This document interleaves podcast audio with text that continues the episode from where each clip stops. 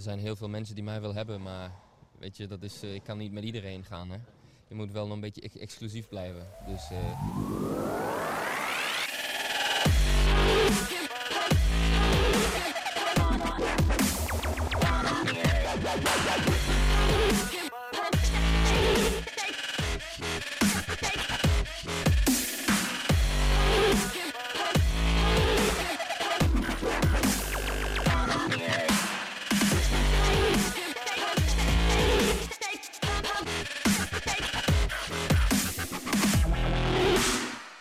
Ja, leuk dat je weer luistert naar de Pole Position podcast. Was het heel flauw om hiermee te beginnen, Matthijs? Ik vond hem wel grappig. Ja? Ja, ja wel strak getimed ook het intro. Nou, dankjewel. Ik heb hier eh, zeker een paar op zitten oefenen. Dus eh, ja, ehm, we zitten eh, voor de laatste race. Ehm, afgelopen weekend natuurlijk geen race geweest. En we dachten, laten we, laten we ja, toch een beetje nieuws bespreken, zoals we dat proberen elke week te doen. Ehm, al moet ik zeggen dat het, het nieuws valt allemaal een beetje tegen. Tot en met vandaag, tot en met vanmorgen. Want nu komen ineens allemaal dingen weer binnendruppelen.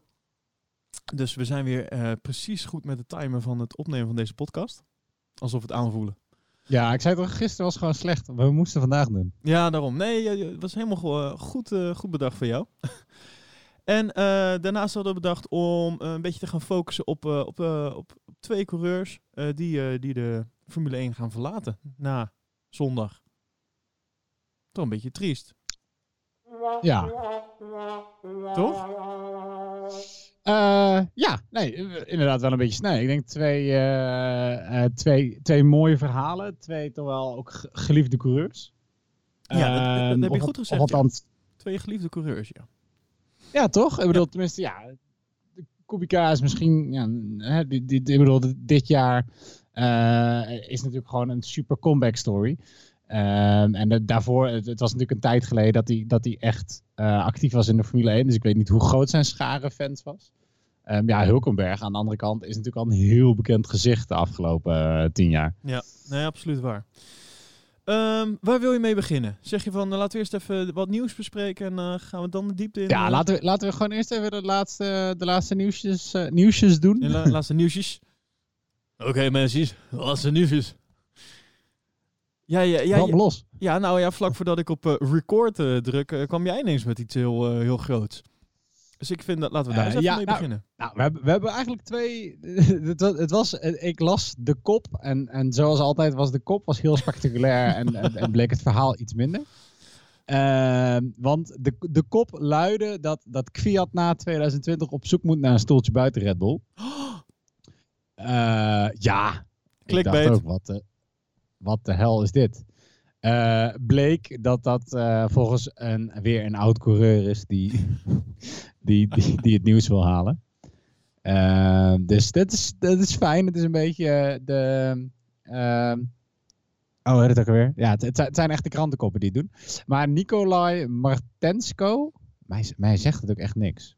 Kun, je- ken jij die? Nee, eh, nee, maar ik, ik weet niet Nee. of dat eh, heel veel over mij zegt of dat het...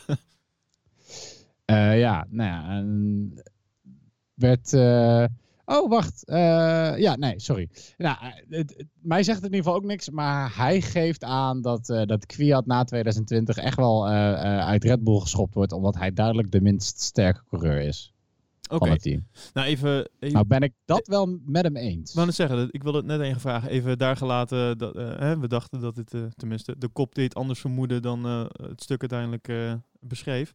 Maar zijn we het met hem eens? Vinden Ja, wij dat ik- Fiat ja, ja, echt wel. maken? Ik vind Daniel Kvyat is echt wel de, de minst sterke coureur nu. Ik bedoel, Albon doet het spectaculair goed in, in de, de, de Red Bull. Ja. Eh, nou ja, Max, daar hoeven we het helemaal niet eens over te hebben. Ik vind ook Eh, trouwens niet dat we Alexander Albon nog eh, moeten betrekken bij Toro Rosso of dadelijk eh Alfa Tauri eh, dingen, toch? Het is gewoon, hij is nu gewoon Red Bull, punt. Klaar. Ja, hij is gewoon Red Bull, punt. En, eh Dus we moeten vergelijken met Gasly hij terugkwam bij eh Toro Rosso, Ja, de- zoals heeft hij- het supergoed gedaan. Ja, toch? Ja, absoluut. Even kijken, ik heb hier toevallig de standing, tenminste een beetje de statistiekjes van eh, 2019. Eh, Fiat ehm, is in de laatste zes races is die eh, vier keer onder positie 10 geëindigd. Oef. Ja, te, te weten 15, 12, 11 en nog een keer 12. En als we naar eh, Gasly kijken, dan ehm, hebben we natuurlijk, heeft, is dat maar twee keer gebeurd. 1, 2, 3, 4, 5. Ja, 1, 2, 3. Ja, twee keer. Eén keer zestiende en één keer veertiende. Ah, Dus en de andere posities waren 8, 7, 9 en ja, 2 natuurlijk afgelopen weekend. Of tenminste afgelopen race. Ehm, dus ja, het is wel duidelijk dat eh Kvyat eh, de minst sterke... coureur- In ieder geval de afgelopen races. Maar ik denk ook overal. ehm, hij heeft één goed ja, resultaat gehad toen bedoel, hij in, heeft nooit... in Duitsland, hè, met Ja, hij gekke race. Ja, maar inderdaad. Weet je, dat zijn dan dat zijn de coureurs die, die dan hele goede resultaten halen. Maar als, ja, als dat vervolgens is in een race waar de, de, de helft van de teams uitvallen. Dan kan je wel zeggen, nou, je was kennelijk goed genoeg dat je niet uitviel. Maar ja, weet je, dat vind ik net als met, met de vorige race. Twee Ferraris die, eh, die elkaar van de baan tikken. Dan is het leuk dat je in de punten eindigt. Maar eh, ja, die Ferraris waren echt wel voor je geëindigd anders. Ja, natuurlijk. Weet je wel, dat zegt, dat, zegt- dat zegt niks over jouw skill. Je schuift gewoon toevallig twee plekjes op. Nee, absoluut waar. Ja, en ik Eh. zou ook niet weten waar die anders naartoe zou moeten. Nee, ja, ik vrees dat je dan dus dat je een soort van inwissel wordt en dat je gewoon bij, bij een, ja, ik wou zeggen een B-team, maar dat is uh, Toro Rosso natuurlijk ook een klein beetje. Dat is ook een beetje de Formule B. Of de Formule anderhalf of uh, oh, noem het maar. Ja. Dat, dat hij nog daar ergens terecht komt, weet je wel. Dat hij, uh, ja, misschien wel voor Williams gaat rijden. Ach ja, El elk team heeft een tweede rijder nodig, zeg ik dan maar. Maar um, um, wel belangrijk uh, hiermee, hè, na 2020, uh, nou ja, misschien moet Fiat uh, op zoek gaan naar een stoeltje. Maar dat is niet omdat Red Bull of uh, Toro Rosso stoppen na 2021. Nee, vers van de pers. Want, tromgeroffel. Oh, die heb je nog steeds niet. Ja, ik, nee, ik heb geen pauw, ik moet... heb alleen deze. Ja, nee, je moet ja. echt een tromgeroffel ja. af hebben. Die ga ik uh, um, even, even, even inspelen. Ja, ook na 2020 blijft Red Bull samen met Honda actief in de Formule 1. Kijk. Woe! Yes. Ze, gaan nog, ze hebben bevestigd nog minimaal één jaar door te gaan. Oké. Okay. Dan is wel de vraag. Gaat dat met of zonder Max zijn? Daar kunnen we er nu toch niet zo heel veel over zeggen. Maar um, uh, het is volgens mij wel uh, een beetje het ding dat volgend jaar wordt wel belangrijk. Als in, gaat Max dan nog voor een jaar weer bijtekenen? Dat gaat denk ik alleen gebeuren als uh, volgend jaar een, goed jaar gaat zijn. Ja. Ja, denk je? Want ik denk volgend jaar is het, het beslissende jaar. Als Max volgend jaar niet wint, is hij niet meer de jongste wereldkampioen in de Formule 1 ooit. Nee, en daar gelaten, uh, heel veel contracten lopen maar tot en met 2020, van, ook van, van grote coureurs. Ja, ook, ook dat. Maar, daarom, maar ik denk dat, dat hij dan dus zegt... Kijk, uh, het zou een reden voor hem zijn om te zeggen... ik wissel, want ik kan de jongste Formule 1 wereldkampioen ooit worden. Maar als hij dat na volgend jaar toch al niet meer kan worden... Ja, dat hij dan zegt, nou goed, dan blijf ik bij Red Bull... want dat is helemaal mijn team en, en we zijn elkaar trouw... En, en alles staat daar naar mijn hand. Ja, ik weet niet. Snap je? Ik, ik denk dat het. Ik weet niet of het hem dan nog uitmaakt of er nog één jaar bij zit of niet. Ik denk dat het zomaar. Uh, nee, ik denk dat, dat je moet gaan voor wat voor jou uh, het beste kan werken. En ik denk dat als volgend jaar gaat tegenvallen, ehm, dat er dan eh, een hele grote kans is dat hij ergens anders naartoe gaat. Nou, ik denk wel sowieso dat we na 2020 uh, flink wat stoeltjes wisselen gaan zien. Ja, dat sowieso. De contracten die uh, liggen allemaal nog open. Contracten die, die allemaal aflopen, plus ja. de hele nieuwe auto voor 2021. Dus alle teams gaan naar de coureurs toe met uh, beloftes over hoe zij de compleet nieuwe auto insteken. Ja. Uh, ja, dan, dan denk ik dat we inderdaad wel veel gewissel zien. Nou, in ieder geval goed nieuws. Ik vind het ja. uh, goed dat Honda sowieso nog, uh, of het nou met of zonder Max is, uh, dat zij nog doorgaan in de Formule 1. Als maar nu voor één jaar. Dus ja. Oké. Okay. Ehm, en, dan, en dan nog een, ehm, eh, een klein, klein stukje nieuws op de, de, vanuit de Red Bull kant. Is in 2019 krijgen we nieuwe regels in verband met de voorvleugel. Dus volgend jaar al. Ja. Ehm, en eh, nou, daar heeft Red Bull heeft daar heel veel geld in geïnvesteerd. En Christian ehm, eh, in, in de voorvleugel die zij hadden ontwikkeld, die niet meer gebruikt mocht worden in 2019. Ehm, en Christian Horner zegt dat dit uh, vooral een politiek motief heeft, waar vooral Mercedes en Ferrari baat bij hebben. Oké. Ja, leuke hoeveelheid speculatie weer. maar even kijken. Uh, ja, dus de, de vleugels, de nieuwe regels van de, van de voorvleugel uh, uh, zijn zo dat ze het makkelijker moeten maken voor auto's om dichter op elkaar te rijden.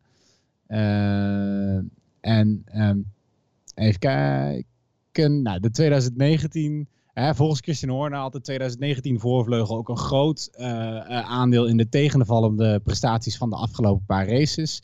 Uh, en een nieuwe voorvleugel moet inhalen en achtervolgen dan weer, dan weer makkelijk maken. En vooral Mercedes en Ferrari zouden daar veel baat bij hebben. Um, en waarschijnlijk realiseren ze zich, zegt, zegt Horner, dat het hun alleen een hele hoop geld heeft gekost. En dat de Grand, Grand Prix tot nu toe niet echt spectaculair zijn geworden. Want ja, nou ja het inhalen wat we nu hebben valt nogal tegen. Um, dus all in all heeft dat gewoon uh, uh, heel veel geld gekost. Het heeft Red Bull ook heel veel geld gekost met de huidige voorvleugel. Okay. Uh, nou, het gaat allemaal weer veranderen volgens jaar. Oké. Okay. Um, ja, ik heb wel een, een, een, een, een dingetje. Ik vond het wel een, een, Ik zag een quote voorbij komen en toen dacht ik, ja, daar ben ik het eigenlijk wel mee eens. Ik ben benieuwd wat jij ervan vindt. Ik zal eerst de quote delen en dan zal ik daarna even het bericht erbij vertellen. Ferrari wordt pas succesvol als de coureurs foutloos zijn. Oef.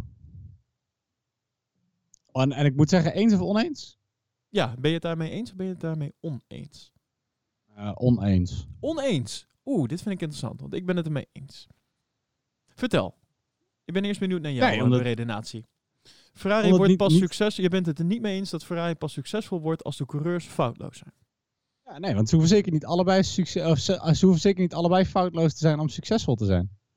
Als een van de twee uh, uh, het onwijs goed doet en iedere keer eerste uh, finisht, dan denk ik dat Ferrari voor zichzelf en, en voor wat Ferrari als merk nodig heeft, namelijk het feit dat zij uiteindelijk supercars bouwen die als, als warme broodjes over de toonbank moeten gaan. Daar, want daar is dit ook gewoon deels reclame voor. Dat Ferrari al onwijs succesvol is. En dan maakt het niet uit als daar één coureur bij zit die die klungelt of die tweede rijder is of wat dan ook. Ze hebben echt niet twee compleet succesvolle coureurs nodig.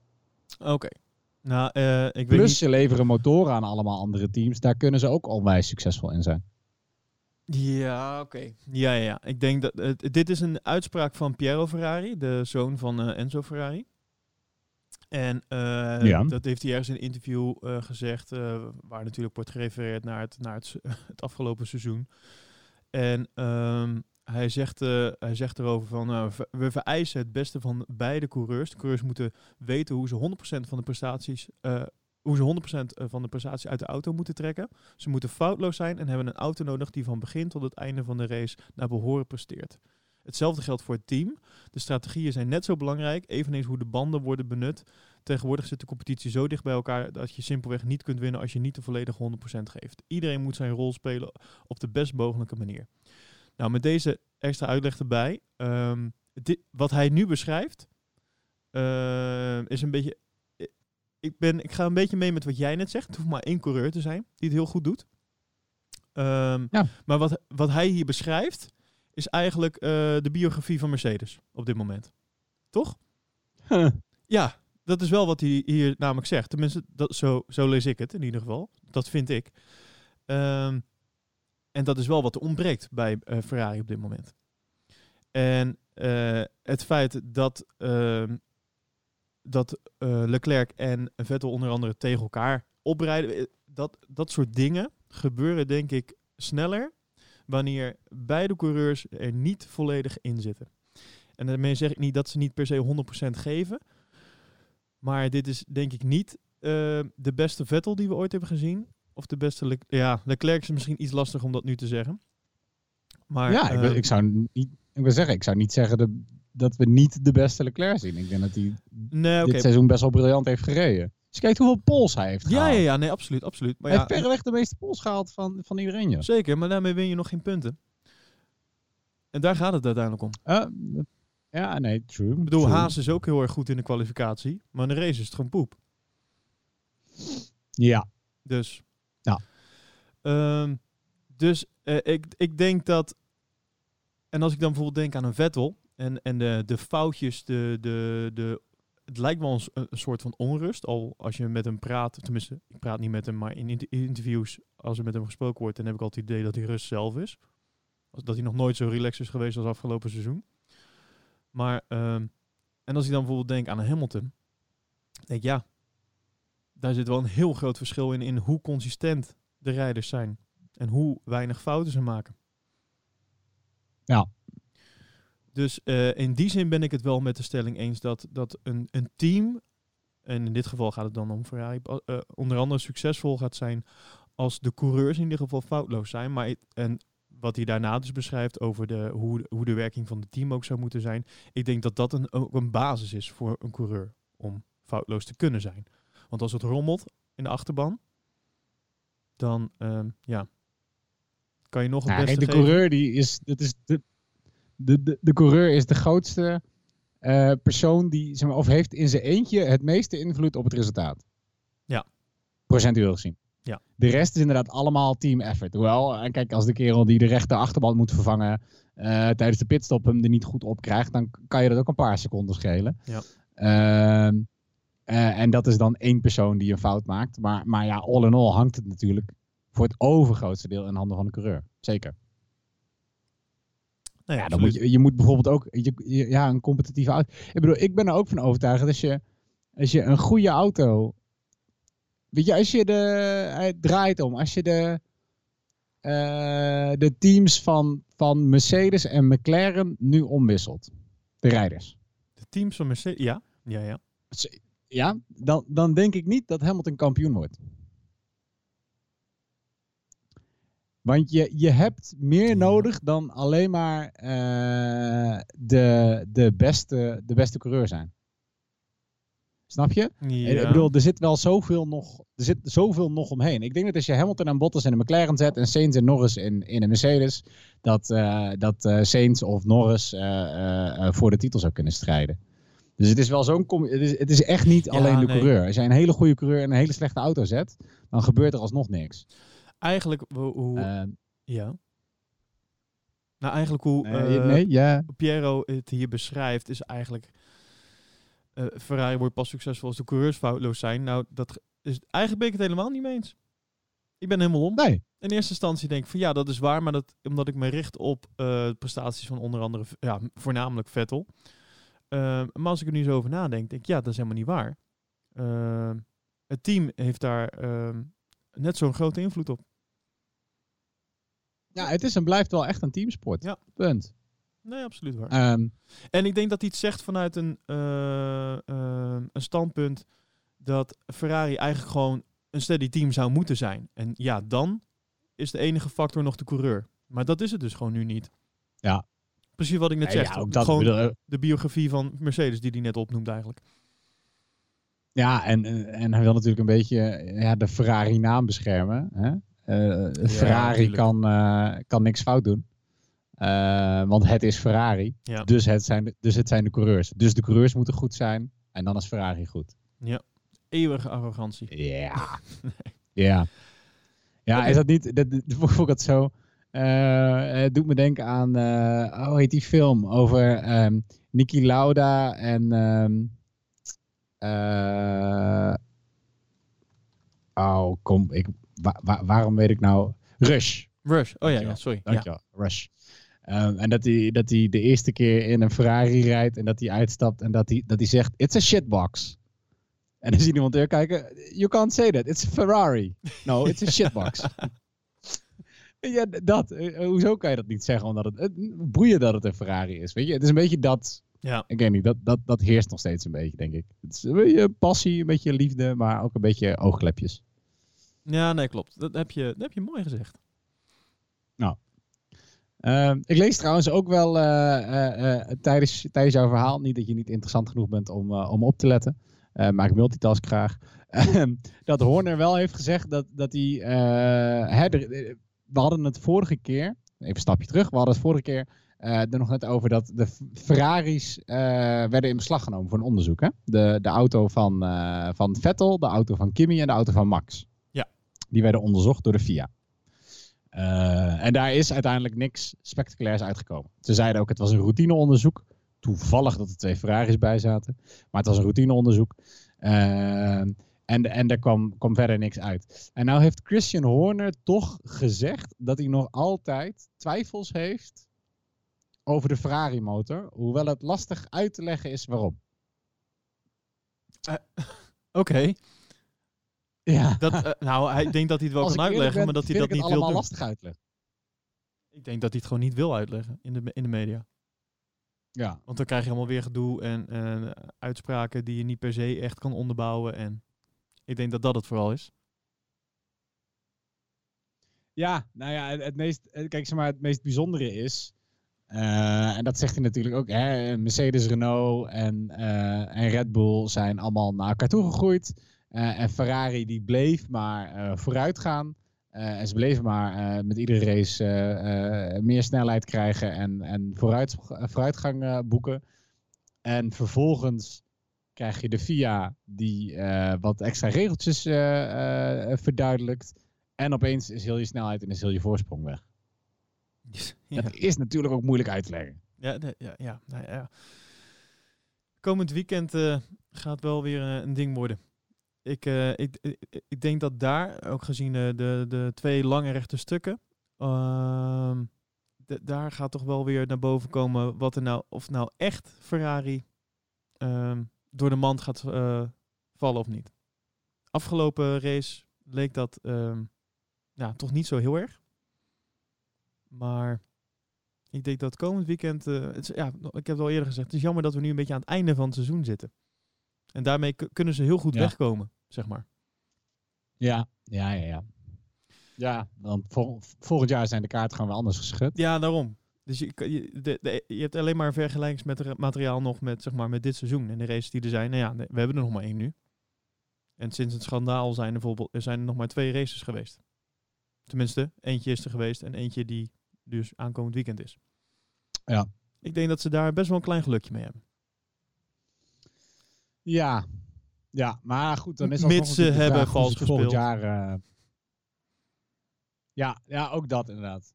Het Eh, blijft te speculeren. Toch? Ja, en het is natuurlijk een beetje de vraag, eh, en dat zei bijvoorbeeld ook, eh, ook Bernie Eccleston, toch ook geen geheel onbekende in de, in de Formule 1-wereld. Eh, eh, die vindt al die beschuldiging, eh, beschuldigingen richting Ferrari vindt hij onzin. Eh, want hij zegt, ja, weet je, ik denk zelf niet dat ze vals gespeeld hebben, maar dit zie je gewoon in de Formule 1. Als één team sneller is dan de rest, dan gaat iedereen zo'n team verdenken. Eh, terwijl het heeft helemaal niet eh, te maken met vals spelen of niet, maar ook met interpretatie van de regels. En het is niet zo dat, ik bedoel, eh, er is een reden dat het geen 100% strakke regels zijn en niet iedereen dezelfde motor krijgt. Ja. Anders ik- zou je dat wel doen. Ben ik eigenlijk wel met hem eens. Ja, dus als jij dan, ja, je hebt die, en als jij binnen die regels een manier vindt hoe jij eh, eh, toch eh, een, een, een voorsprong haalt, ondanks dat je geen regel echt verbreekt, ja, dan, dan is dat goed. Totdat er, weet ik veel, een onderzoek wordt, wordt hè, dan is het grijs gebied, totdat er een onderzoek wordt gesteld. Oké, dit, is, dit is echt wel eh, illegaal. Of je had, ondanks dat, dat het in een grijs gebied is, had je moeten weten dat dit wel heel dicht tegen de bedoeling van de oorspronkelijke regels aan zit. Eh, dus we keuren het af of het is gewoon goedgekeurd. En tot die tijd speel je niet vals. Maar ja, aan de andere kant met de Mercedes-dominantie van afgelopen jaren. Ik, ja, ik zat er niet heel erg bovenop op het nieuws in die zin in de afgelopen jaren. Maar ik kan me niet iets herinneren dat Mercedes zo erg onder de loep is genomen door andere teams. Zoals bijvoorbeeld nu bij Ferrari gebeurt. Ja. Maar dat eh, kan ik niet geheel onderbouwen. Maar dat is mijn gevoel niet. nee ja, weet ik ook niet. Ik denk dat Mercedes het gewoon weg heeft gedaan met eh, echt maximaliseren van, van alle marges binnen, binnen de regels. Zoals ze er heel hard staan.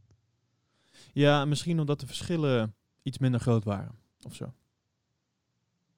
Nou. Als in tussen de teams, maar ook zeg maar, bij Ferrari is het ineens een drop, weet je wel. Het is ineens van, huh? En waar is het? Ja. En dat Mercedes is gewoon heel constant. Ja. Ik, eh, ik heb een eh, klein, nou, quizje. Ik heb een, ik, heb een, eh, een, schatvraag, een schattingsvraag voor je. Hoeveel banden denk jij dat Pirelli mee gaat nemen naar Abu Dhabi? In, in totaal of per team? In of totaal. In totaal. Even kijken. Nou, we hebben 10 teams. eh, dus het eh, zijn hmm, 500. 500. Hon- Oké. Eh, je zit er iets onder. Oh. 4.500. Eh, zijn, zijn, zijn, er nog een paar run-off gebieden en bandenstapels die moeten worden bijgevuld? of, eh? Ehm, nee, eh, sowieso be- ben je denk ik de Formule 2 vergeten. Ah, ja, oké. Dus eh, Ja. de, hè? doe die er ook nog even bij optellen. Eh, maar, ehm, eh, ondanks dat het het einde van het seizoen is na zondag, blijven er gewoon een aantal teams blijven lekker daar in de, in, in, de, in de warmte van Abu Dhabi. Want ehm, er zal nog getest gaan worden op de prototype 2020 banden. Ja, ik dacht al inderdaad, de, voor volgend jaar. Ja, per team eh, worden de 20 sets eh, banden uitgedeeld om te testen. En er worden ook extra 2019 banden meegenomen om te vergelijken. Dus gaan ze vergelijking doen tussen 2019 band en de, 2000, ja, de prototype 2020 band. En ehm, ook de Formule 2 coureurs die zullen volgens mij nog extra tests doen. Ehm, onder andere ook de 18 inch banden worden getest. Oké. Want die gaan eh, wel ehm, door de Formule 2 gebruikt worden. Als het goed is. Dus En dat zijn dan dus. Oké, nou ja, ik ben, nee, ja, ik ben, ben, ben benieuwd. Ehm, ook wat er dan verder uit die tests komt met de banden voor volgend jaar. ja. Daar, daarover gesproken, over de banden voor volgend jaar. Eh, Pirelli maakt zich ernstige zorgen over Zandvoort. Oh, ik las net dat. eh, eh, even kijken. Voordat je daarop ingaat. Ehm, ik zag dat Lammers die Dat vond. je het fout hebt. Wat? Nou, nee. Lammers die, eh, die zei volgens mij dat het Zandvoort het mooiste circuit kan worden van de wereld. Maar ga verder. Oh, nee, zeker. Oh. Eh, maar waar, waar, ehm, eh, waar Pirelli zich zorgen over maakt, is het feit dat er een kombocht komt. Ah, oké. Eh, dus een kombocht met een stijgingsgraad van 32 eh, procent, maar liefst. Dus dat is, dat is best wel veel. Ehm, en eh, het probleem is dat je kombochten, tegen, tegenwoordig heb je die helemaal niet meer in de, in de Formule 1. Eh, maar zo'n kombocht zorgt ervoor dat er onwijs veel druk op de banden komt te liggen op dat moment. Dus het is eh, buiten de gewone krachten die de banden te voortduren hebben, is het in, in zo'n kombocht is het echt nog vele malen hoger. Eh, waardoor gewoon Pirelli vreest dat er onwijs veel banden versleten gaan worden op dat circuit. Oké, nou ja, ze, ze kunnen dit weekend al oefenen met meer banden meenemen. Ja, maar het nadeel is, ze kunnen nergens oefenen met het racen op een kom. Ah, dat moet wel daar gebeuren. Maar ja, Ja, dat is dus nog niet Wat klaar. ze kunnen doen is... eh, nee, en het is, het is volgens, eh, volgens de Pirelli-basis het niet mogelijk om een speciaal ontworpen compound mee te, eh, mee te nemen voor, voor Nederland. Hij zegt, we kunnen geen spe- specifieke band voor een banking eh, ontworpen, ontwerpen. Dus ja, weet je, dat is niet te doen. Of, of, je- of je zou op een circuit moeten rijden wat alleen maar dat soort bochten heeft. maar je kan dus- toch wel gewoon ergens, weet ik veel, een vliegveld afhuren, daar een stuk asfalt neerpleuren en, en dan de kombocht simuleren, of niet? Ben ik nou de? Nou ja, ja nee, maar kijk dan, maar dan, eh, dan, dan zou heel je circuit zou uit kombochten moeten bestaan. Snap je? Dan kan je wel een band eh, ontwerpen die, die Ja, eh, extra berekend is op die krachten. Maar alle rest van de bochten zijn gewoon normale bochten. Ja, oké. Plus, ik weet niet eens of het is, of het is toegestaan om een, gewoon een specifieke band voor een circuit te maken. Nou, Dat denk ik En of ze dat ook willen doen. Of ze dat, Nou, dat- bizar veel geld kost. Ik denk niet dat dat gaat gebeuren, maar ja. Nou ja, goed. Houdt Pirelli ook scherp, toch? Eh, ja, Want dus daar- wel heel, eh, heel bijzonder. Het schijnt in ieder geval super spectaculair te zijn om een kombocht te hebben. Ik, ik weet niet waarom. Eh, buiten dat je de auto nou ja, schuin tegen een, tegen een muur op ziet klimmen. Want 32% is wel echt veel. Maar ja, daar ligt Pirelli kennelijk wakker van. Bij deze. Ja, nou, ik denk dat ze ook wakker liggen van het feit of ze überhaupt nog bandenleverancier zullen blijven. Maar dat is weer een ander verhaal. Ja, maar ik kan zeggen, niemand anders willen doen. Nou, dat is niet waar. Henkoek eh, was volgens mij in de race. Ik weet niet, ik weet niet wat daar inmiddels de laatste ehm, verhalen over zijn. Want eh, volgens mij het laatste eh, nieuws wat daar ooit over naar buiten kwam, dat was in 2018. En dat ging om de bandenrechten van 2020. Nou, die heeft Pirelli inmiddels gewonnen. En zij blijven dus nu tot 2023 leverancier. Maar daarna, ja. Nou. Oké. Ik weet niet, ik zou het toch ook wel weer tof vinden als je eh, meerdere bandenleveranciers Dat wilde ik krijgen. net gaan zeggen. Dat, eh, dat zou nog eens eh, Net als meerdere brandstofleveranciers. Absoluut. Ja, ik, daar ben ik het helemaal mee eens. Ik ben Ja. heel benieuwd wat, wat de luisteraars daarvan vinden. En ik Eh, zou het eigenlijk zelfs nog bijna leuker vinden als ze dat, eh, als ze dat los zouden koppelen van de teams. Maar dat is bijna niet te doen. Natuurlijk ook met brandstof. Ik bedoel, de brandstof die Shell voor Ferrari maakt, is, is specifiek voor, voor Ferrari. Maar hoe bedoel je los van de teams? Dat je het per Nou, weet coureur... je, dat je gewoon dat je daar een pompstation hebt staan en je kan Shell tanken of je kan, eh, wat is het, Petronas of je kan whatever erin gooien. En dat alle teams gewoon dezelfde brandstof en dezelfde setjes banden krijgen. Niet specifiek voor jouw motor, niet specifiek voor jouw auto. Eh, go- gooi er maar wat in, slinger er maar wat op en ga rijden. pompstation. Ja, maar dat gaat dus niet werken. Want eh, in België moet je eerst eh, naar binnen lopen om te betalen, om te zeggen hoeveel liter je erin wil hebben. Ah. Dus dan duurt die stop weer langer. Ja. Dus op Spa is dat sowieso niet te doen. Nee, maar... ja. Nee, ja, en tussen, tussendoor tanken is ook nog een dingetje. Ja. Maar laten we daar niet over hebben. Oké. Ehm, eh, volgens mij had ik had niet eh, heel veel extra nieuws dan dit. Nee, ik denk dat dat het een beetje, een beetje was qua nieuws. Ja? Eh, ik zat even te denken of we, of we al iets hebben over Abu Dhabi voordat we doorgaan met onze uitgelichte coureurs. Eh, ik zal Eh, tijdschema heb ik nog, maar dat kan ik, eh, kan ik Aan het eh, einde doen? aan het einde even doen. Ik heb- ja, de, de eerste weersvoorspelling voor Abu Dhabi. doen we ook aan het einde. Heel veel regen. Oh. Bij deze heel veel regen. Eh. nee, is allemaal niet zo boeiend. Ehm, nee, ja, ik zeg eh, door naar segment 2. Ehm, ja, coureurs. Die gaan vertrekken na zondag. Ehm, we hebben het er net al over gehad. Eh, Nico Hulkenberg en Robert Kubica die zullen helaas de Formule 1 gaan verlaten. Ik vond dat je het net heel mooi zei. Toch wel twee geliefde coureurs. Eh, ik, heb, ik heb me vooral even eh, in, in de nou, carrière niet, maar eh, in, in, Robert, in, in Nico Hulkenberg gedoken. Niet fysiek, maar... ik wil zeggen, vond Hulkenberg ja. lekker. Ehm, en aangezien we nu op Abu Dhabi zijn, althans, daar gaan we komend weekend racen, moest ik even denken aan vorig jaar. Kan je je dat nog herinneren? Want daar, dat was wel Nee. een... eh, een nee? Oh, even kijken hoor. Waar Oh, of was dat, was dat toen hij op zijn kop hing? Ja, dat was deze volgens mij. is er nog wel. Nee, nee. Are you okay, Nico? Holy I'm hanging here like a cow. Yeah. Get me out, there's fire. Yeah. There's fire. It's alright, they're coming. They're coming. Safety car is there with you, Nico. Ja, dat was eh, de crash tussen eh, Hulkenberg en drie keer raden. Fiat. Nee, Strol. nee. Wat? Shit, wie was dat dan? Ja, dat, het kan er maar één zijn. Eh Grosjean. Ja, natuurlijk. Romain Grosjean. Ja. Als er iemand is die het einde Ik van denk dit dat seizoen... Als je eh, een van die drie cour- ja? Als je een van die drie coureurs raadt, dan heb je volgens mij 80% van alle crashes in de Formule 1 heb je wel. Ik wil net zeggen, als, als er één eh, coureur is die het einde van het seizoen eh, had moeten vertrekken, dan eh, was dit wel een gegadigde. eh, in plaats van Hulkenberg. Maar eh, bij Haas dachten ze daar anders over in ieder geval.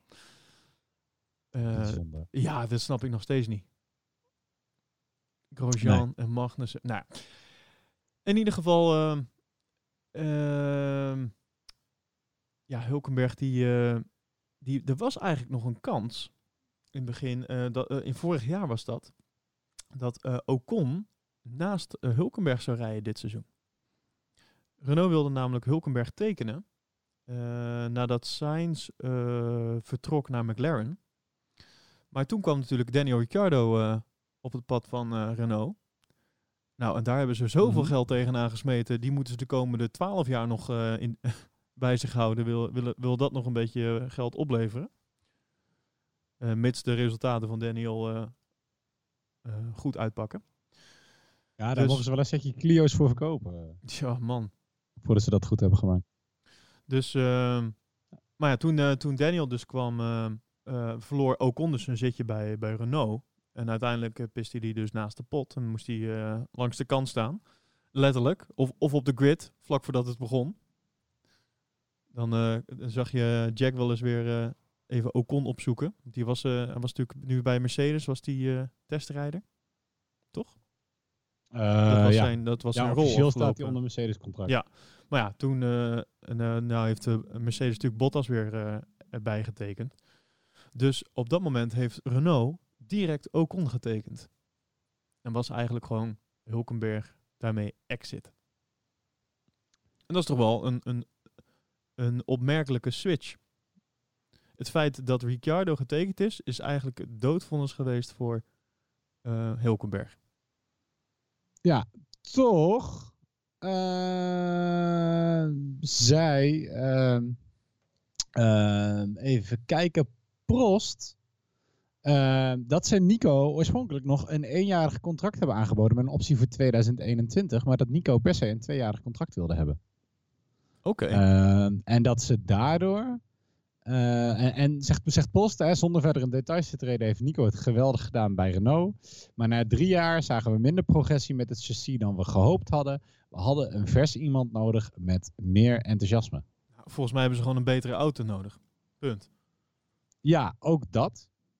Ehm, het zou toch raar zijn dat als. Ja, dat of, of dacht Ocon echt. Of sorry, dacht eh, eh, Hulkenberg echt dat hij nog zoveel andere open plekken zou hebben. eh, waar hij terecht zou kunnen. Dat hij een grote mond heeft opgezet tegen Renault. En dat hem dat uiteindelijk gebeten heeft. Nou, ehm, ehm, dat zou zomaar. eh, eh, kijk, we begonnen natuurlijk de, de, de uitzending, eh, of de- deze aflevering met, eh, met het stukje wat ik had geknipt uit het interview met Jack. Waarin hij dus eh, dit zei. Er zijn heel veel mensen die mij willen hebben, maar weet je, dat is, eh, ik kan niet met iedereen gaan. Hè? Dus ja. Hij, hij was er blijkbaar wel van overtuigd dat hij ergens iets eh, kon krijgen. Eh, al was het Ja. niet per se in de Formule 1. Al denk ik wel dat dat de ambitie was. Ja. Dus misschien heeft hij zijn hand een beetje overspeeld. Ja, ja dat, zou, dat zou zomaar kunnen. En ik snap ook wel, hij zegt, weet je, Nico, Nico is redelijk negatief. En wij willen geen pessimistische coureurs hebben in ons team. Daarom hebben we voor Ocon gekozen. Eh, ik ik Nou, kan me voorstellen ik denk dat, dat, je nog ook... van een koude kermis thuis kan komen dan. Ja, Vermoed Ja, ik. Ja, ja. kijk, ik snap dat Ocon eh, positief is. Want die heeft een jaar niet in de auto gezeten. En die wil gewoon racen. ja, maar als iemand kan zeiken, dan is het Ocon wel. Daarom. Ehm, Ja. nou ja, en, en ik, weet je, ik snap het van Nico ook wel. Als je kijkt, hij is de man met de meeste races zonder podium. dat je dan op een gegeven moment ook gewoon pist bent. Helemaal als je eh, eh, Renault verhaaltjes ophangt over hoe geweldig een auto is. En die dat gewoonweg niet blijkt te zijn. Nee, dat is maar aan het zeggen. Ik denk dat Ricciardo daar ook eh, een beetje van teruggekomen is. Maar ja, die is nog steeds zijn geld aan het tellen. Dus wat dat betreft. Ja, ja, hoewel ik prima geloof dat, eh, daar hebben we het in de vorige podcast natuurlijk ook over gehad. Eh, volgens mij was het Horner of Helmut Marco die dat zei. Dat zij cijfers van Renault hadden gezien over die, die motoren en, en ze uiteindelijk besloten om, eh, om voor Honda te kiezen. Eh, en hij zei, ja, weet je, volgens mij hebben ze de- die cijfers ook allemaal aan, eh, ehm, eh, aan Ricciardo laten zien. En Ricciardo geloofde hun wel. Ja. Dus dat is dat ze gewoon een mooi verhaal voorgeschoteld hebben gekregen. Dan dat het uiteindelijk bleek te zijn. En dat, dat Hulkenberg het ook had. Want hij heeft gewoon heel wat pech gehad in zijn carrière, Hulkenberg. Ja, Oprecht. ja, pech. Pech, pech, pech, pech. Nou, Ik, daar, je, heb ik wel een, daar heb ik wel een leuk fragmentje over. Dan is er nog wel natuurlijk voor Mercedes Valtteri Bottas die hier voorbij gaat aan Nico Hulkenberg. Hulkenberg ligt dan tweede. De Duitser, de lokale held, heeft al een lange Formule 1 carrière, maar finishte nog nooit op het podium. Er ligt nu op podiumkoers totdat, u raadt het al, bijna hetzelfde punt als eerder Leclerc en Hamilton. Gaat ook Hulkenberg eraf. Dat zwarte asfalt heeft nul grip. Daar ligt alleen maar rubber van drag race wedstrijden. En Hulkenberg eindigt zijn wedstrijd in de bandenstapel. Ja. Ja. Was dat eh, pech? eh, dat weet ik We hebben niet. het hier over eh, Dan Duitsland zou ik even... dit jaar. eh Hockenheim, waar eh, Ja. natuurlijk er meerdere coureurs afgingen, laten we eerlijk zijn. Maar dit was Ja. wel de kans voor hem om eh, eindelijk dat podium te pakken. Eh, en ik denk ook dat hij hier Ja, zijn hij stoeltje heeft verloren. Ehm, ja, zou wel kunnen. Hij, toch heeft hij meerdere kansen gehad. Eh, en niet alleen hierbij. Maar eh, ik zeg, als je, als je gewoon kijkt door zijn carrière heen, dan er is een reden dat de verwachtingen voor Hulkenberg zo hoog waren. En er is ook wel een reden, denk ik, dat hij, dat hij een paar keer ook buiten zijn schuld om niet een podium heeft bereikt. En dat had misschien wel heel veel gedaan. Al is het alleen al in zijn mindset toen hij nog wel in auto's reed die, die competitief waren. Oké. Denk, denk ik. Maar zullen we daarvoor misschien even, even gewoon een korte vogelvlucht doen door de carrière van Hulkenberg? Ja, dat is goed. Want dat, ik, ik heb er gewoon eens even ingegooid. Omdat ik altijd van, van iedereen hoorde, nou ja, dat, weet je, inderdaad, de, de verwachtingen van Hulkenberg zijn heel hoog. En ik vind Hulkenberg vond ik gewoon altijd grappig met zijn Duitse accent een beetje Nederlands praten. Ehm, en daardoor vond ik hem wel leuk. Maar ik wist eigenlijk niet hoe het kwam dat die verwachtingen zo hoog waren. Van Hulkenberg. Ik weet niet of jij hem ooit gevolgd hebt, ook voordat hij in de Formule 1 zat. Eh, nee, Vast niet. Nou ja, ik denk bijna niemand. Maar dan, dan kan ik je even... even ehm, hij heeft, vroeger begon hij met karten in Nederland. Dat is de reden dat Hulkenberg ook zo goed Nederlands kan. Ehm, en toen heeft hij redelijk ge- gedomineerd ook in de, in de kartwereld hier. Ehm, en vervolgens zag zijn, eh, zijn carrière er zo. In 2015 ging hij Formule BMW rijden. Dat was toen nog een, eh, een serie die je had. Eh, hij, eh, hij kwam er in zijn debuutjaar in. Hij domineerde compleet en hij won de titel. Toen ging hij in 2006 naar de A1 Grand Prix. Dat heb ik toen ook nog een tijdje gekeken. Was, eh, was, was leuk om te zien. Waarin iedereen in, in ehm, dezelfde auto's reed. Ik weet niet of je dat nog weet. Dat was een soort van Formule 3. De auto's waren echt wel minder snel dan Formule 1. Ja. Maar iedereen reed in, de, in dezelfde auto's. Eh, ze hadden eh, weinig sponsoren ook. Auto's waren vaak één kleur. Het leek een beetje alsof, echt, eh, alsof je een soort van landenrace had. Weet je? Alsof-? Oranje ra- race tegen, tegen Wat zeggen? weet ik. Alsof Ja. één team van eh, tien rijders aan het racen was. Nou, het, was, het, was, het was heel grappig, maar het ding is dat na A1 Grand Prix, omdat het, heel veel, omdat het allemaal basisauto's waren, waren het echt races tussen coureurs onderling. Nou, hij begon daar, debuutjaar, hij domineerde weer en hij won de titel in 2006. En 2006, 2007, die daarop volgde, die won die ook. Toen ging hij in 2007 ging hij naar de Formule 3, toen werd hij derde. Toen deed hij 2008 nog in de Formule 3, domineerde die weer en won hij de titel. En echt, weet je, de, gewoon e- eerste in de helft van de races. Ja. Eh, toen, 2009, ging hij GP2 eh, eh, rijden. En toen behaalde hij de titel op Monza. Ehm, en dan is het zo, in GP2, volg ik ook niet, eh, maar is mij verteld, dat eh, over het algemeen wordt in het laatste weekend van het seizoen wordt pas de winnaar bepaald. Oké. Ehm, anders dan bij Formule 1. Eh, maar hij behaalde die titel op Monza al. En daarmee was hij de eerste coureur die de titel voor het laatste weekend van het seizoen behaalde. Oké, wauw. Gaat je toch ook niet in je koude kleren zitten? Toen ging hij in 2010 begon hij in de Formule 1 bij Williams. En toen pakte hij eh, op Interlagos zijn eerste pole. En dat was de eerste pole position voor Williams sinds 2005. En eh, weet je wie er een seconde achter hem, dus de, de tweede plek pakte? Een seconde ook. Ja, een seconde. Nou? Vettel. Oh. Oké. En hij had in zijn ene laatste rondje had hij pole al. Eh, met, met, dus, met bijna een seconde. En vervolgens kon hij zijn laatste, eh, zijn laatste ronde gewoon gebruiken om, om het even uit te bouwen tot een seconde. Niemand kwam bij hem in de buurt in 2010. Bizar. Nou ja, dan heb je, toch, heb je toch best wel een bizarre loopbaan. Ja, op zich wel. En, en hoge verwachtingen daarmee ook. alles waar hij in, in alle nieuwe categorieën. Oké, in de Formule 3 werd hij het eerste jaar werd hij derde. Maar alle andere categorieën stapte hij in. En won hij, en won hij nog dik ook. Eh, en, en, en, en, en eh, weet je, allemaal dat, soort- dat soort gekke dingen als bij de GP2. eh, de eerste coureur die, die dit doet. Voor, voor Williams, de eerste pole sinds lange tijd. Nou, toen werd hij in 2011 werd hij reserverijder voor Force India. Dus hij werd niet getekend. Dat is ook wel bijzonder. Een beetje. Ja, wat wel bijzonder is. En, en dat terwijl zijn, zijn manager was de manager die ook heel lang de manager voor Schumacher was. Dus je zou denken, nou, dat is iemand die misschien wel weet wat hij doet. Ehm, maar ik denk dat daar, nou, dat is een, een beetje ongelukkig. Je zou zeggen met zo'n, ehm, eh, ja, zo'n record tot dan toe, zou iemand hem toch meteen moeten tekenen. ja, ik weet niet hoe... d- dit is ook een reden waarom dat je niet getekend wordt. Laat ik het zo zeggen. Ja, ja, ik weet niet. Maar dit kan natuurlijk ook net met contracten. En net een beetje als Ocon. Ik bedoel, iedereen Ja, had eigenlijk verwacht. Als je Ocon naast Grosjean zet, dan verwacht je niet dat, dat dit jaar Grosjean gereden zou hebben. Ja, maar Ocon. aan de andere kant, als jij echt een bepaalde indruk achter, achterlaat... Als jij echt... eh, hè, als jij niveau Max Verstappen bent... Nou, dan, dan denk je niet eh, twee keer na om iemand te tekenen. Toch? Nee, nee, nee. Maar Ja. ik bedoel maar meer, dan, dan kan het dus dat je niet getekend wordt, omdat alle andere contracten vaststaan. Ja, op die manier. Ja, ja, ja. Dus als alle contracten vaststaan... Nou ja, maar bij Ocon was dat toch niet? Die kon naar Renault. Maar omdat Daniel kwam... Ja, ja, ja, goed. Ik weet dus niet hoe het in 2011 Nee, bij oké, dat zou. Hulkenberg zat. Eh, nou goed, in 2012 eh, begon hij wel bij Force India.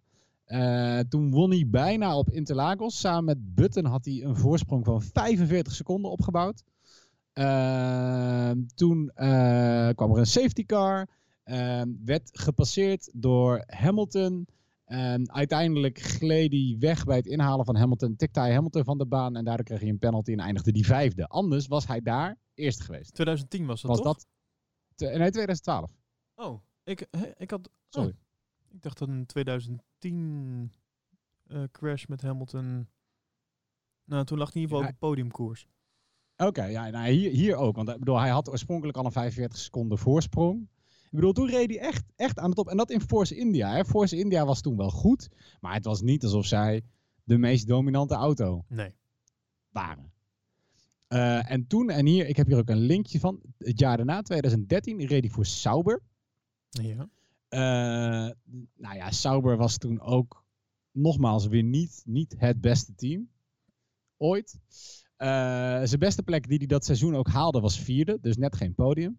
Maar hij was al meerdere keren finishte die voor onder andere Nico Rosberg, voor Alonso, voor Hamilton, die vaak in betere auto's reden dan hem. En ik heb een, een, een linkje, dat kan je in de show notes zetten. Oh ja. Ehm, want helaas, uit, je, je- ja, de hele races terugvinden uit die tijd is gewoon moeilijk om te doen. Ik weet niet, die hebben ze allemaal van YouTube afgegooid volgens mij. Hm. Eh, maar ik heb een hele kleine clip van een minuut lang. eh, waarbij je ziet hoe eh, Hamilton en Alonso aan het vechten zijn achter Hulkenberg. En er gewoon niet langskomen. Ondanks dat zij in dominante auto's rijden. Oh, vet. Echt super vet om te zien. Alleen al om te luisteren, want we racen gewoon nog met V8's. Ah ja. Ja. Maar ja, weet je, ook, ook, ook weer. Het laat toch wel zien dat het, dat het zo'n onwijs goede. eh, in basis zo'n onwijs goede rijder was. Eh, ja. toen heeft het, hij daarna nog weer. het, zit erin, maar het is er niet uitgekomen. Ja. Nou ja, toen heeft hij daarna nog twee jaar voor Force India gereden. Waarbij hij een stuk beter reed dan Perez, die toen ook al meereed.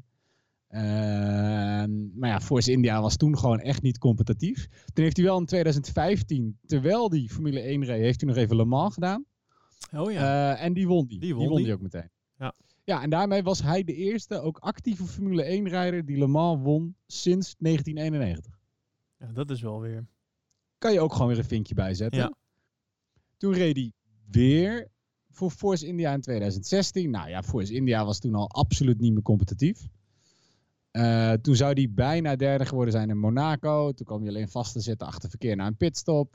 Eh, toen zou hij in België zou die tweede worden. Alleen toen ging er weer wat mis. En toen ging hij in 2017 ging hij voor Renault rijden. Eh, en toen zou hij twee keer uit mijn hoofd eerste worden. Of nee, sorry, eerste en derde. Alleen beide keren heeft Renault het verneukt door een fout te maken in de pitstopstrategie en tijdens de pitstop zelf. Super lullig. Ja. Ehm, en toen behaalde hij ook het record in 2017 voor Formule 1 start. De meeste Formule 1 starts zonder podium ooit. Zo'n Eh, fijn record om op je naam te, te hebben. Ja. En toen, maar hij is wel in 2018 trouwens, toen reed hij ook voor Formule 1, eh, voor Renault, eh, samen met Sainz. Ehm, toen werd hij in Monaco outqualified door Sainz. En dat was de eerste keer dat, eh, dat ehm, Hulkenberg ooit outqualified was door zijn teamgenoot. Sinds Oh. eh, Japan in 2016. Ehm, en hij finishte zevende, dus hij was best of the rest. Dit was In Renault? welk jaar? Dat was eh, 2018. Oké. Afgelopen jaar. Eh, en nou ja, want Sainz, die 2019. eindigde uiteindelijk achter hem. Oh nee, Ja. nee, nee, nee, nee. Zeg ik dat goed? Nee, nee, nee, die, eindigde wel voor hem. Sorry. Sainz? Ja. Was Sainz zesde in 2018? Die was, ja, Dan die had 10 Zou die punten. niet helemaal de... Die had 10 punten in Monaco. En Nico had er maar 8. Ja, ho, in Monaco bedoel je? Ja.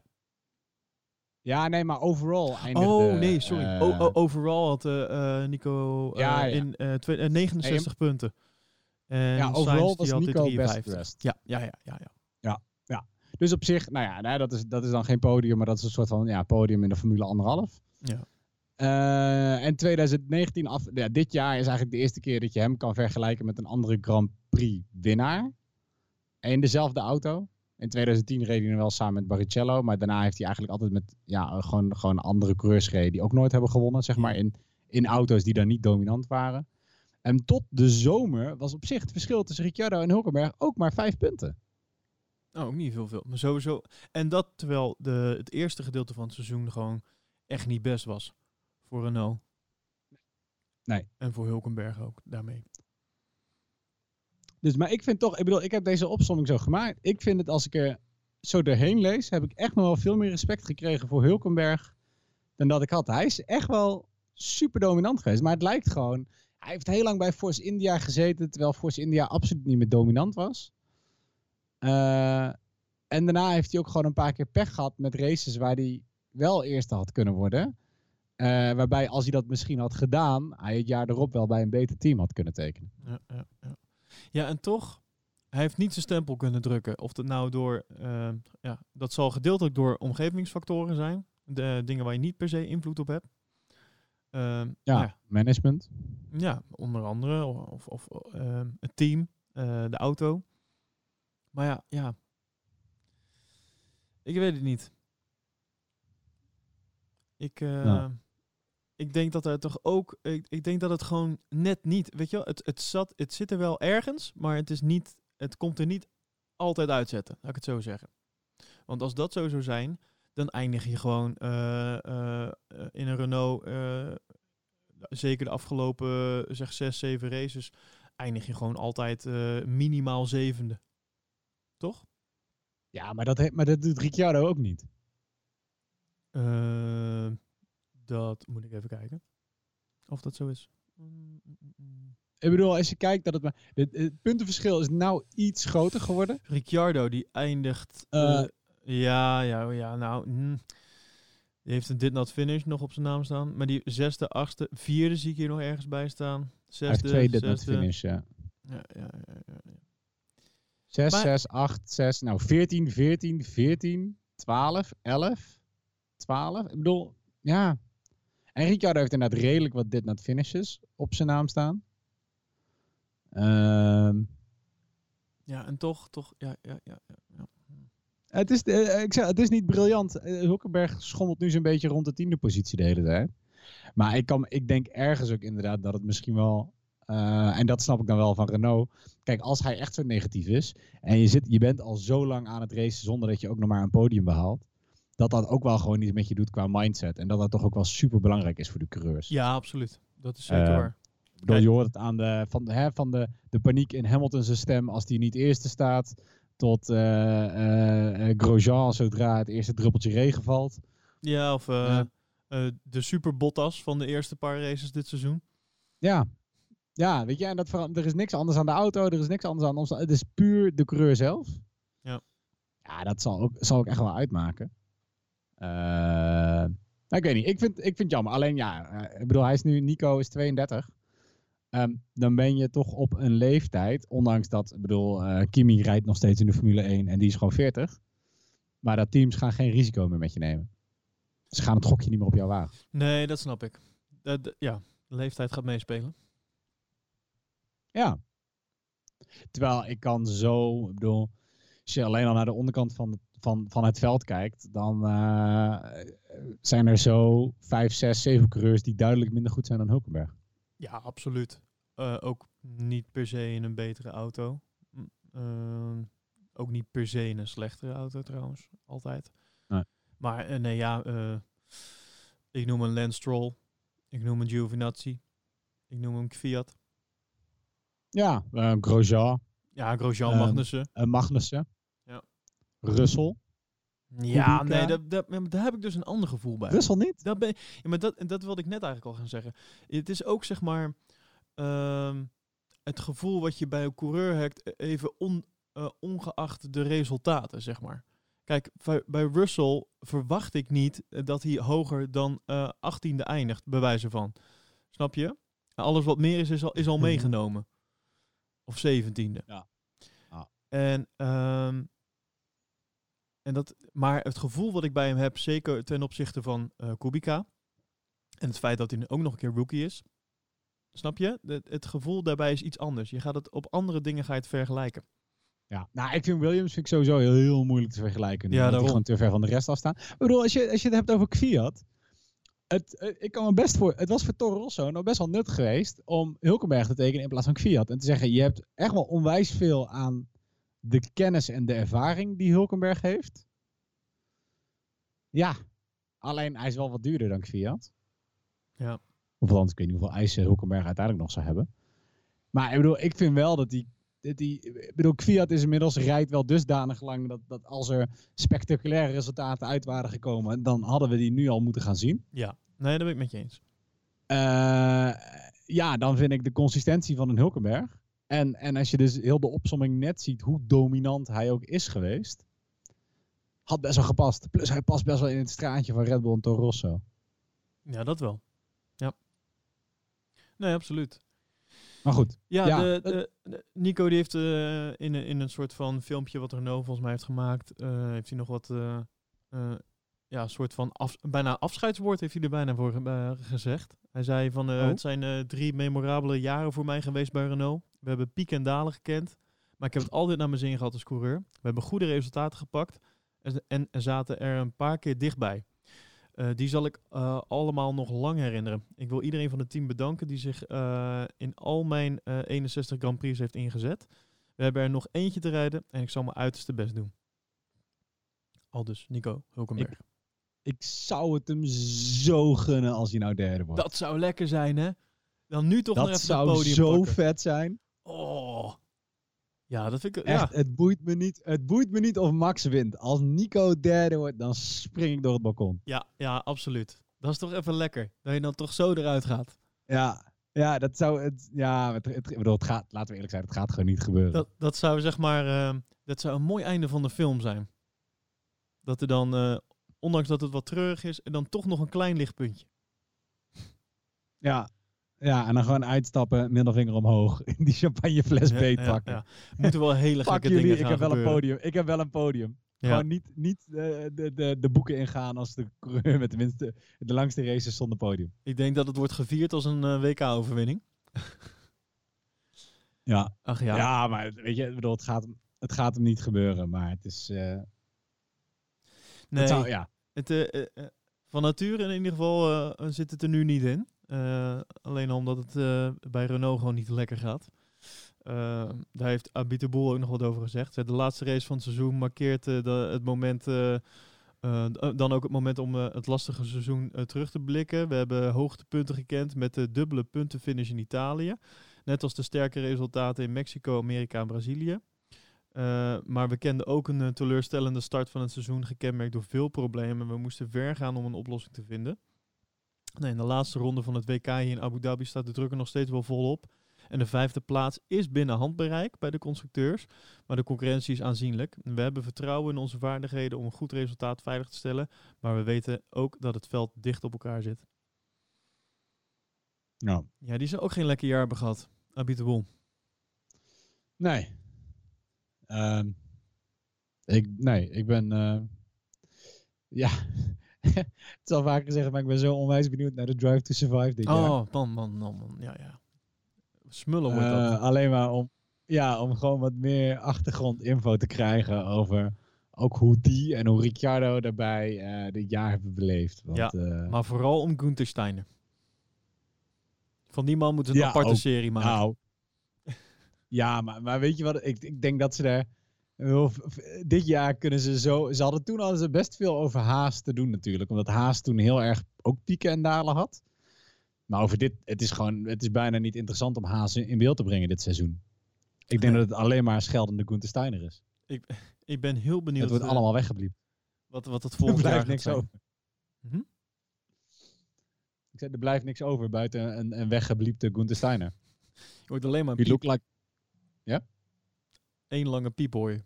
ja, we look like fucking wankers. ja. en dan... eh, Look like a bunch of wankers. Super mooi. Maar ja, al- gewoon van alles. Maar goed, laten we dat doen in onze totale terugblik eh, van, van het seizoen. eh, ongetwijfeld Oh, volgende week in de podcast. Ik ga daar eens wat stukjes uitknippen. ik denk dat ik een hele Ja, ja, soundboard kan maken. Fantastisch. Oh, Gunther En- Steiner soundboard. Top. Ehm, en dan, eh, ja, naast natuurlijk het afscheid van Hulkenberg. Hebben we nog een afscheid van, Ja. van ehm, een coureur waar, waar ik wat minder mee heb, maar jij toch ook wel fan van bent. Even, nou ja, we, we- even kijken, we zitten nu op een uur. Wil je hem, eh, wil je hem nog even doortrekken en even Kubica nog eh, uitgebreid gaan eh, behandelen? Mijn hemel. Ja, we kunnen. Kubica is. ik, heb, ik ben door zijn tijdlijn heen genomen en het is toch wel wat minder lang dan, eh dan mijn Hulkenberg Daar verhaal. staan we klaar mee. Hij had één hoogtepunt, één, één hoogtepunt in zijn carrière.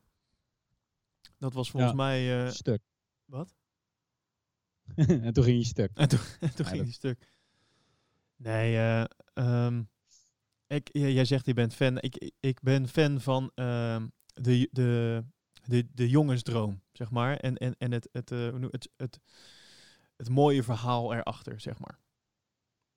Dus iemand die eh, eh, uiteindelijk eh, door een ongeluk niet meer kan rijden in eerste instantie, daarna toch weer terugkomt. Dat is toch een soort van. daar kan je toch een film over maken. En dan moet je alleen niet. dan moet het stoppen bij het feit dat hij weer terugkomt in de Formule 1. Zeg maar. En dan daar moet je stoppen met je film. Ja, ja, ja. nou ja, wat ik, wat ik dus niet wist en, en waardoor ik wel iets meer fan ben geworden, is hoe goed hij het deed voor zijn ongeluk. Ja, eh, daar, daar, bedoel, daar doelde ik ook op. Ehm, Ja. En ik doelde specifiek op één race, maar ik kan even niet meer. Ik weet even niet meer het circuit. Kom ik op terug. Eh, Oké. Ga vooral verder met je verhaal. Ik wil zeggen, in, in vogelvlucht. Eh, Ja. Want in, in 2006 begon Kubica als eh reserverijder bij BMW Sauber. Ehm, en toen mocht hij Villeneuve, eh, hè, die we nu ook nog kennen uit het nieuws, eh, vervangen nadat hij een flinke crash had gehad en hij klaagde over hoofdpijn. Oh. En sindsdien is Villeneuve ook steeds meer onzin in de media gaan vertellen. Dus ik denk dat we dat gewoon in de gaten moeten houden. ik zie een verband. Ja, Eh nou, Kubica kwalificeerde negende, werd eh, uiteindelijk zevende en is toen gedisqualificeerd omdat zijn auto te licht bleek te zijn. Eh, maar ja, jammer natuurlijk voor je eerste race in de Formule 1. Ehm Villeneuve die eh, verliet echter niet zo lang daarna het team. Dus Kubica heeft de rest van het seizoen voor Williams gereden. En in zijn derde race voor Williams werd Kubica al derde Ja. Toch zeker knap. Zijn, zijn eerste podium en de eerste Pol die ooit een podium behaalde in de Formule 1. Want Kubica is Pools. Eh, nou, 2007 eh reed hij weer voor BMW Sauber. Pols. Eh, nee, je snapt hem niet. ja, Paul. De Pols Position Podcast. Eh, 2017 reed hij voor BMW Sauber. Vervolgens crashte hij in Canada. waarbij hij de barrière raakte met 300 km per uur. Gemeten. 300 km per uur. Zo. Eh, en ja, eh, de data gaf een piek aan van 75 G op zijn lichaam. Aan remkrachten. Dus dat is Oh. 75 keer je eigen lichaamsgewicht. Eh, wonder boven wonder kwam je daaruit met een lichte hersenschudding en een verstuikte enkel. 300 km per uur. Niet normaal. Eh, en, maar daardoor werd hij in de daaropvolgende race, want dat is waarom ik dit vertel, werd hij eh, vervangen door BMW's derde rijder. Weet je wie BMW's derde rijder was? Op dat moment. Dus de reserverijder voor Kubica. Eh, poe. Dat is een goede vraag. Ehm, nee. Vettel. Oh, echt waar? Ja. Oh, Vettel was de reserverijder voor Kubica. hoe bizar is dat? Grappig. Ja. Nou, dat was eh, 2018. Reed hij nog voor BMW. Eh, toen behaalde hij zijn en ook BMW's eerste pole position ooit eh, in de Formule 1. Eh, uiteindelijk werd hij, werd vierde, omdat de rest van het seizoen eh, nogal kut verliep. Eh 2009 weer eh, BMW, slecht seizoen voor BMW. Eh, hij haalde een tweede plek eh, aan het eind van het seizoen. Eh, en toen stopte BMW met de Formule 1. Eh, toen ging hij in 2010 voor Renault rijden. Eh, dat was het eerste seizoen van Renault in de Formule 1. Nou, toen was het eh, al, al, al pauper gesteld met Renault. Maar toen noemde Mark Hughes, dat is een bekende Formule 1-journalist, Kubica eh, op dat moment de beste coureur van het grid. Of die zei dat hij dat zou kunnen zijn. Vanwege zijn prestaties op Monaco, Spa en Suzuka. Want die drie circuits maken zeg maar, het verschil tussen de auto's het kleinst. Dus dan hangt het echt van de coureurs af. En 2010 was het jaar dat eh, Red Bull onwijs dominant was. En op Monaco en op Spa finishte Kubica achter de Red Bulls als derde op het podium. oh, netjes. Met het eerste jaar voor Renault. Dus dat was super knap.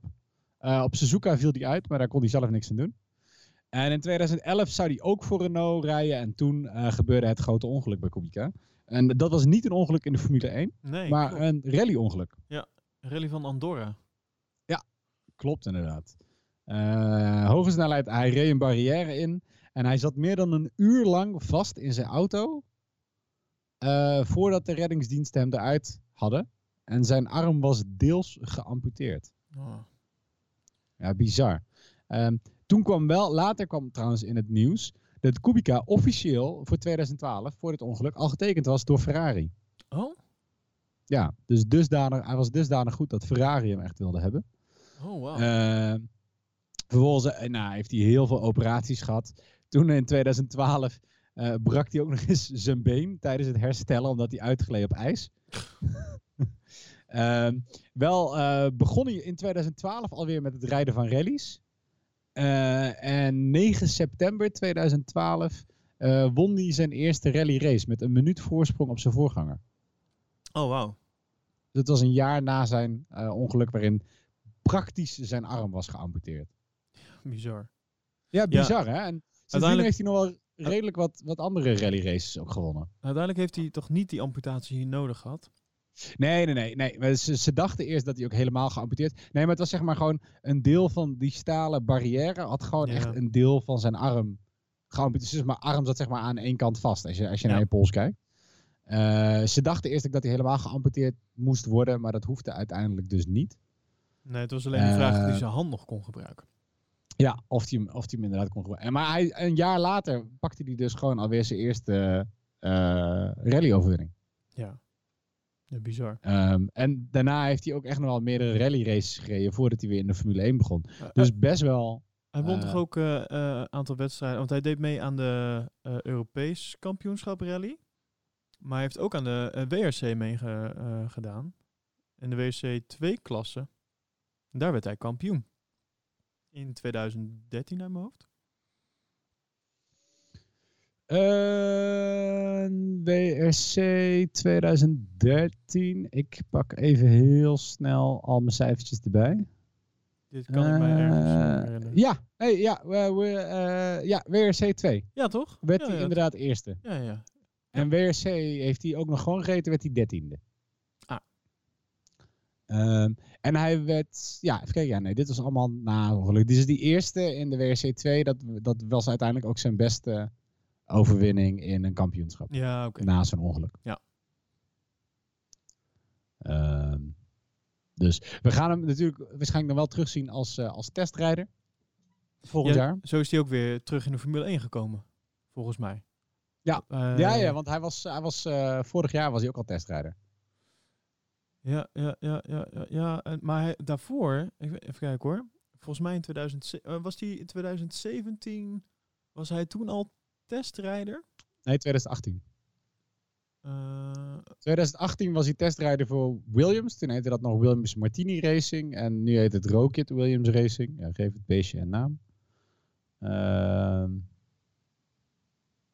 maar eh, nee, dus hij is wel sinds zijn terugkomst, zeg maar, de enige Formule 1 team waar hij nog bij geholpen heeft, is Williams geweest. nou, volgens mij heeft hij voor Renault ook nog wat gedaan. De- dat is volgens mij de eerste keer dat hij weer in een Formule 1 auto zat. En dat was voor Renault. Maar dat was, ik weet niet waar dat was. Was dat nou...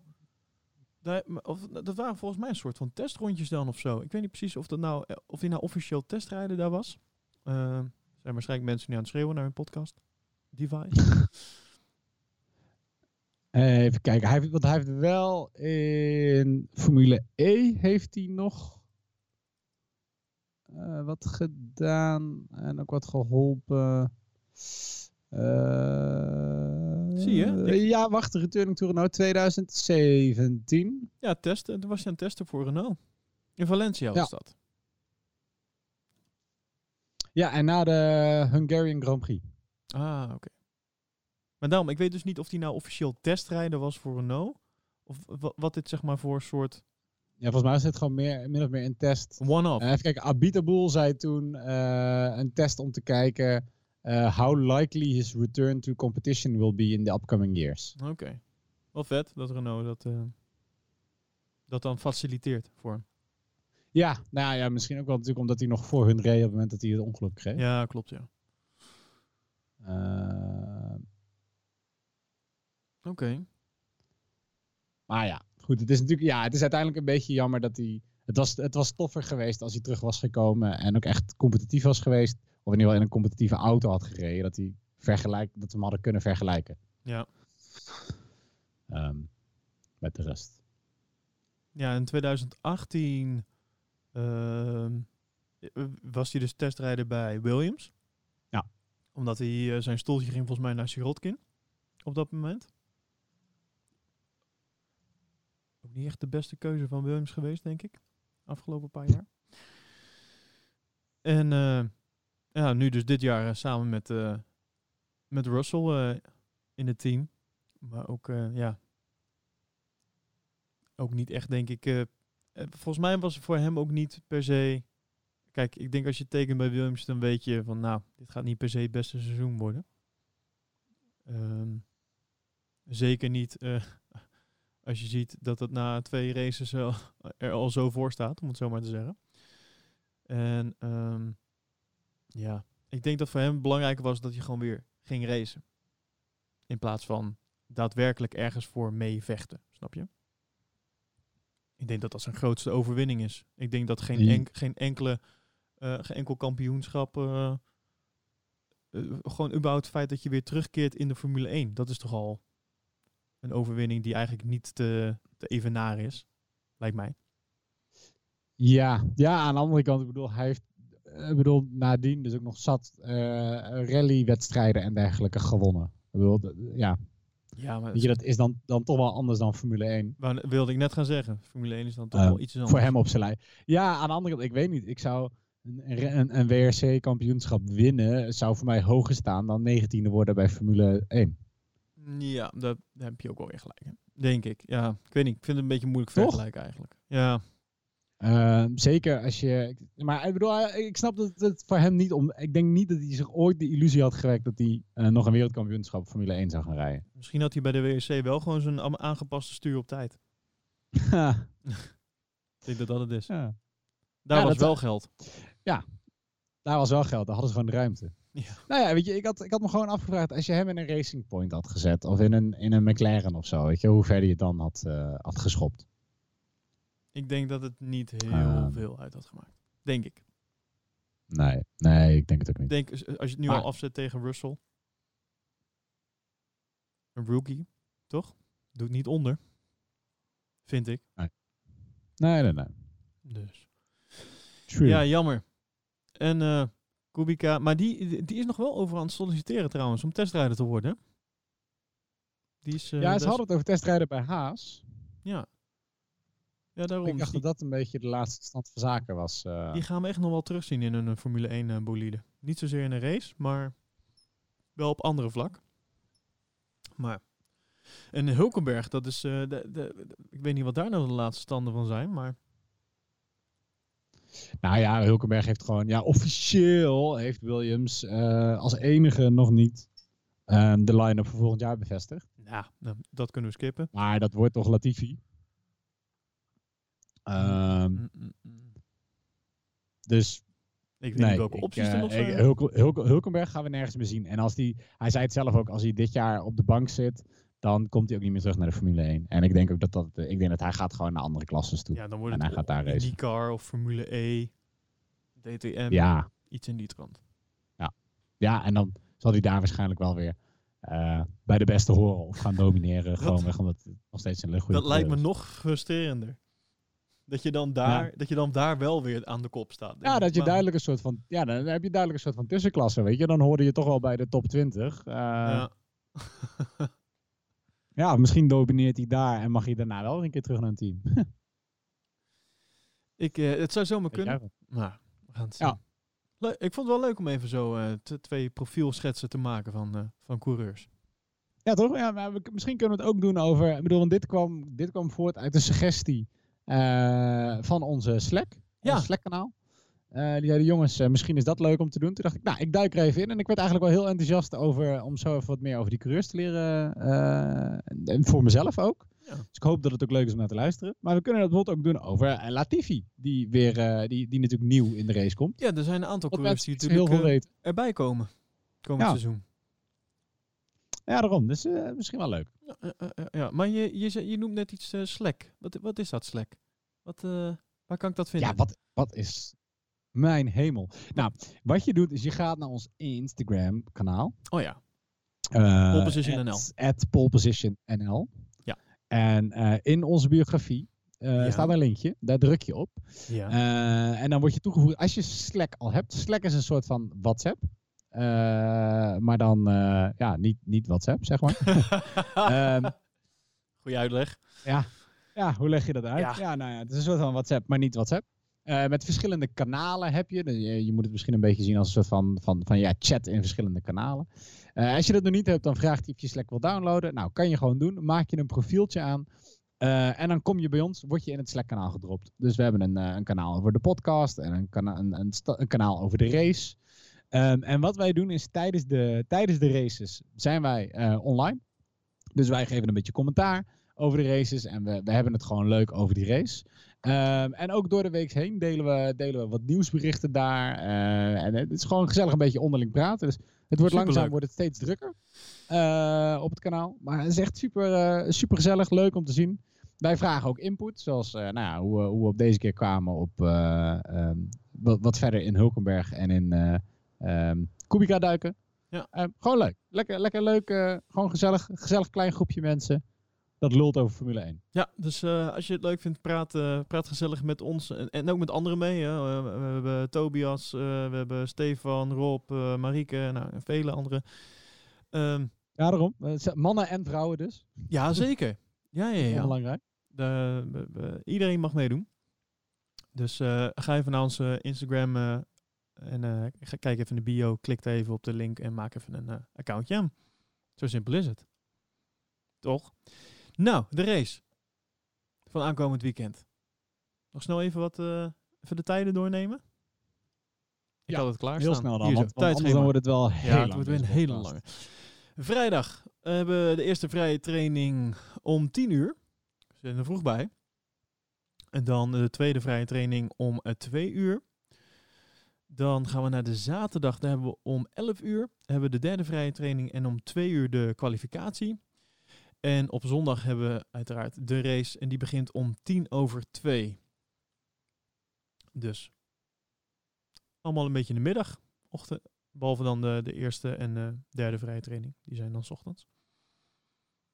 Dus eh, ja, wij zijn er gewoon eh, gezellig bij, in ieder geval weer.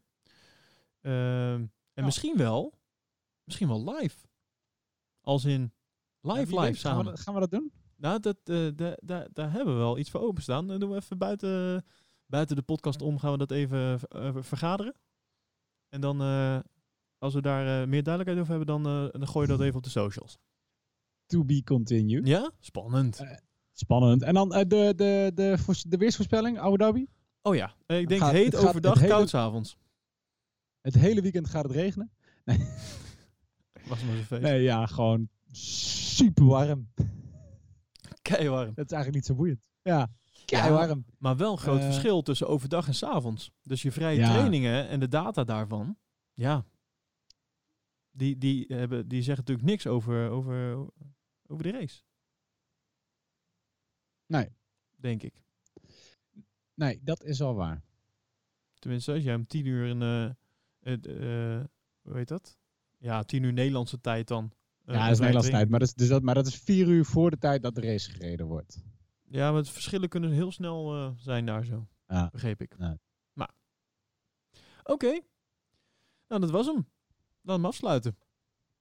Leuk dat je weer luisterde naar de Pole Position podcast. Ehm, ja, nogmaals, eh, ga naar ons Slack kanaal en praat lekker met ons mee. Eh volg ons ook op Facebook. We hebben een mooie Facebookgroep. Ehm, en eh, laat nog een, eh, een reactie achter. Eh, dat kan eh, via iTunes. Kan je een reactie achterlaten. Een review noemen ze dat. Met, eh, wat je leuk vond of wat je, wat je minder leuk vond. Mag allemaal. Dan kan je ook sterretjes geven. Dat vinden wij weer leuk. En dan kunnen wij dan weer in de podcast beno- benoemen. Nou, dat was het denk ik wel. Heb je nog iets toe te voegen? Nee hoor. Nee? Je bent Tot er klaar mee. Tot tijdens de race. Tot tijdens de race. Oké.